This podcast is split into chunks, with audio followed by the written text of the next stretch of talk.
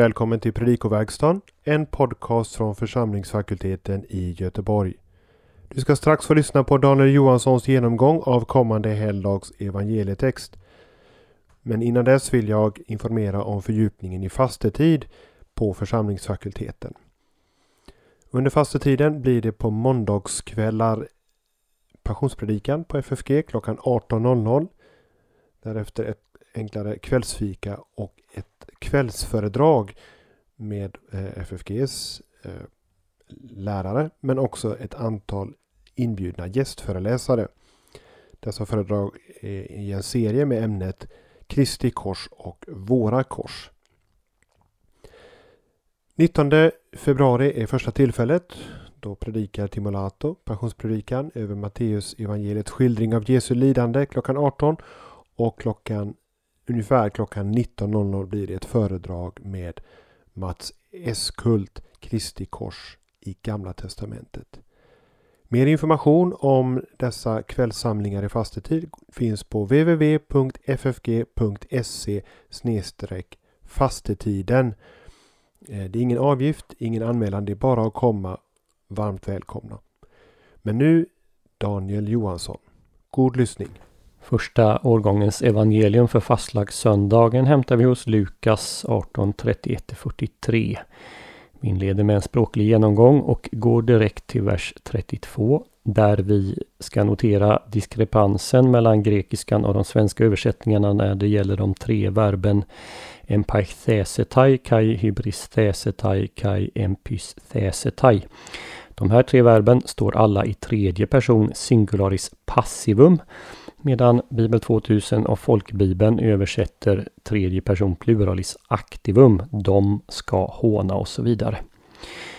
Eh, gör man det så blir de i föregående sats omnämnda hedningarnas subjekt för verben. Det är nog bättre att bibehålla passivum i synnerhet som både judar och hedningar deltar i hånet av Jesus i Lukas 23. Dock bör man notera att fokus här har flyttat från de judiska ledarna som omnämns i den första förutsägelsen i 9.22 eh, till hedningarna här i kapitel 18. Verbet anastesetai i vers 33 står i medium och är intransitivt. Det är omdiskuterat huruvida Jesus aktivt ska resa sig själv eller om det finns en passiv aspekt där Gud är den som reser Jesus. I vilket fall så är det fullt möjligt att översätta och han ska stå upp. Vers 34 och den toton är en partitiv genitiv. Inget av detta. Eh, notera att det på tre olika sätt sägs att det Jesus säger eh, det var obegripligt för lärjungarna. I vers 35 markerar Egeneto att det är frågan om ett nytt avsnitt och det hände. Ento engitsen auton är en ackusativ plus infinitiv som uttrycker tidpunkt när något händer. När han närmade sig. Tyflos tis eh, är ett typiskt lukanskt uttryck, en viss blind. Lukas har en förkärlek för att stoppa in detta tiss innan han nämner en, en person, eh, vare sig eh, som möter Jesus eller i en liknelse. I vers 36 eh, stöter vi på ochlo diaporevo menno. Man skulle kunna tro att det är en genitivus absolutus för vi har ett substantiv i genitiv och ett particip i genitiv. Men det är det inte frågan om i det här fallet.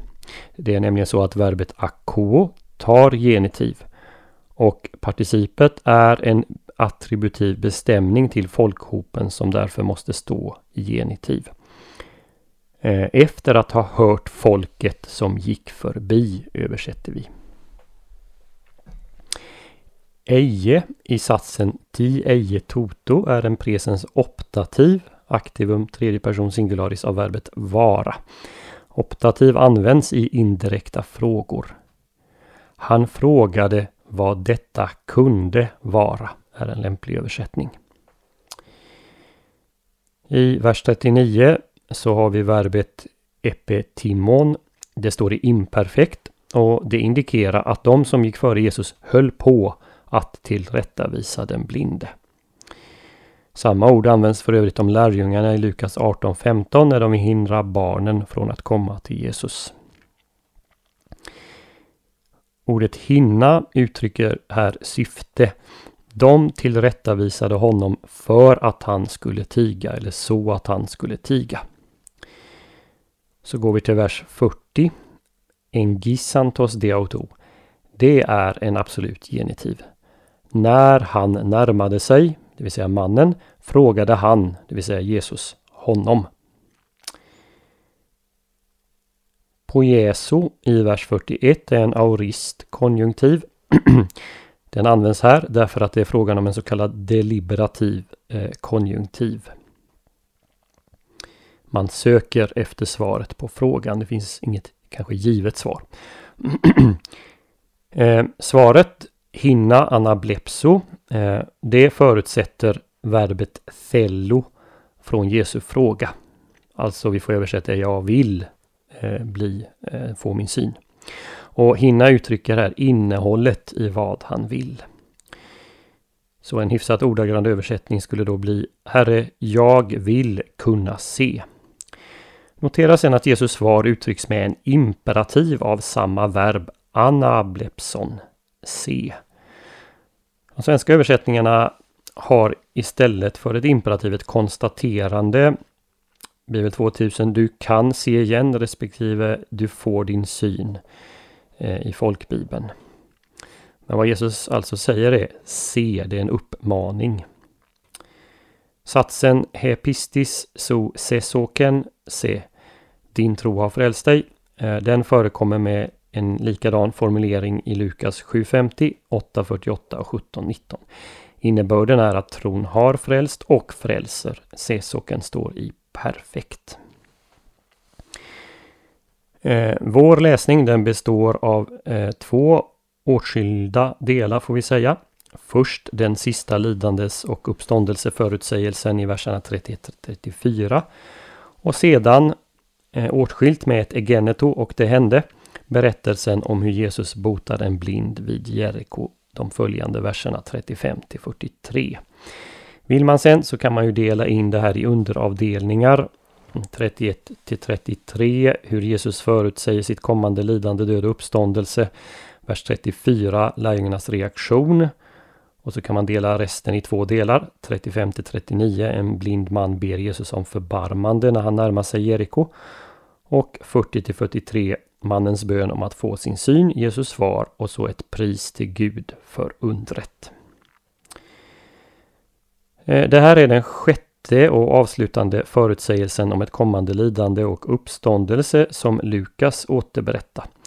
Den första stöter vi på i 9.22, därefter 9.44, 12.50, 13.32 33, 17.25 och så här i 18.32 33. Jag har lagt upp de här med dess texter för att man ska kunna lätt jämföra dem i pdfen till denna predikoverkstad på vår hemsida. Till de här sex så kommer dessutom den utförliga förklaringen i Lukas 24 om hur skriften har förutsatt lidandet och uppståndelsen för Messias. Av de här eh, sex eh, så är den första och den sista de som är mest utförliga. I den första ligger fokus på de judiska ledarna, att det är de som ska utsätta Jesus för detta. Här eh, ligger fokus på hedningarna. En annan viktig skillnad är att det är det gudomliga dig, det är nödvändigt, eh, som är skälet till att det ska ske första gången Jesus säger i 9.22. Här i kapitel 18 så är anledningen att det är förutsagt av profeterna att det står skrivet om honom. Och det är ju precis det som sen utläggs av Jesus på vägen till Emmaus. I 9.22 sägs inget om lärjungarnas reaktion. Den nämns dock i samband med den andra förutsägelsen i 9.44. En stark betoning ligger där, som här, på att de inte förstod. I vår text sägs på tre olika sätt att det låg bortom lärjungarnas förmåga att greppa det Jesus förut sade. I 9.44 så sägs det två gånger och sen så sägs det att lärjungarna inte vågade fråga Jesus om det. Som sagt, hela sex gånger har Jesus eh, sagt något om ett kommande lidande och ändå så har de inte fattat något. Och Emmauslärjungarna har inte heller fattat, inte ens efter att händelserna ägt rum. Det är först när Jesus för sjunde gången eh, och då lägger ut skriften för dem som något börjar ske hos dem. De säger själva att deras hjärtan har brunnit av Jesu skriftutläggning. Eh, beskrivningen av det Jesus förutsäger om sig själv har delvis sin bakgrund i Jesaja 50 och 53. Jag listar några av de parallellerna i pdfen. Jesus har varit på resa till Jerusalem ända sedan kapitel 9, vers 51. Här får vi den eh, första notisen om var han befinner sig på den här resan sedan 1711. Verbet engitso, närma sig, indikerar att nu börjar vi närma oss målet Jerusalem. Eh, Jeriko ligger omkring 20 kilometer från Jerusalem. Men innan vi når fram till Jerusalem vill Lukas berätta om två under Jesus gör vid Jeriko. Öppnandet av en blinds ögon, öppnandet av en tullindrivares hjärta, det vill säga Sackeus, och liknelsen om punden. I den programmatiska predikan som finns i Lukas 4, närmare bestämt i 4.18, så omnämns att Jesus ska öppna blindas ögon. Och det nämns att han gör det i sammanfattningar som kapitel 7, 21-22. Men här omnämns en individ vars blindhet helas. Lägg också märke till att mannen sitter vid vägen och att han sedan står upp och följer Jesus på vägen. Här kan det nog finnas en anspelning på att hela Jesusrörelsen senare kom att bli kallad för vägen. Till exempel i Apostlagärningarna 9.2. Det är också passande att det just är en blind mans ögon som öppnas efter att Lukas berättat om lärjungarnas blindhet i förhållande till Jesu uppdrag. Är det möjligtvis en antydan om att deras ögon i andligt avseende måste botas innan de kan greppa det som Jesus skulle gå igenom? Mannens blindhet till trots så visar han lika stor insikt som lärjungarna mm, om vem Jesus är. Han ger honom en messiansk titel, Davids son. Han kallar honom också för Herre. Kanske vi inte ska läsa in för mycket i det. Eh, så kan man ju adressera någon om man ska göra det eh, mot, mot någon som man upplever som sin överordnade. Men det är ändå så att i Lukas evangeliet så är Herre, Herren, en av de viktigaste titlarna. Och den kommunicerar samtidigt att Jesus är Guds son. I julnatten var det precis de här två titlarna som användes om honom. Ja, inte Davids son, han var från Davids stad. Han ska kallas Messias, Herren, säger ängeln i Lukas 2.11. Mannen får sin syn. Han har en tro som greppar fast i Jesus och vid det Jesus säger. Och han tillhör inte heller de som lämnar Jesus efter att han har blivit botad. Istället står han upp och följer Jesus på vägen. Och likt den samariske spetälske som Lukas tidigare har berättat om så prisar mannen Gud för undret. Och på samma sätt gör folket. Det här är för övrigt ett återkommande tema hos Lukas, att ett under av Jesus leder till att folk ger lov och pris till Gud för det Jesus gör. Och här får vi väl säga att lovet stiger till Gud därför att det Gud själv har utlovat i Gamla Testamentet, närmare bestämt Jesaja 35.5, att de blinda ska få sin syn. Det har nu gått i uppfyllelse igen.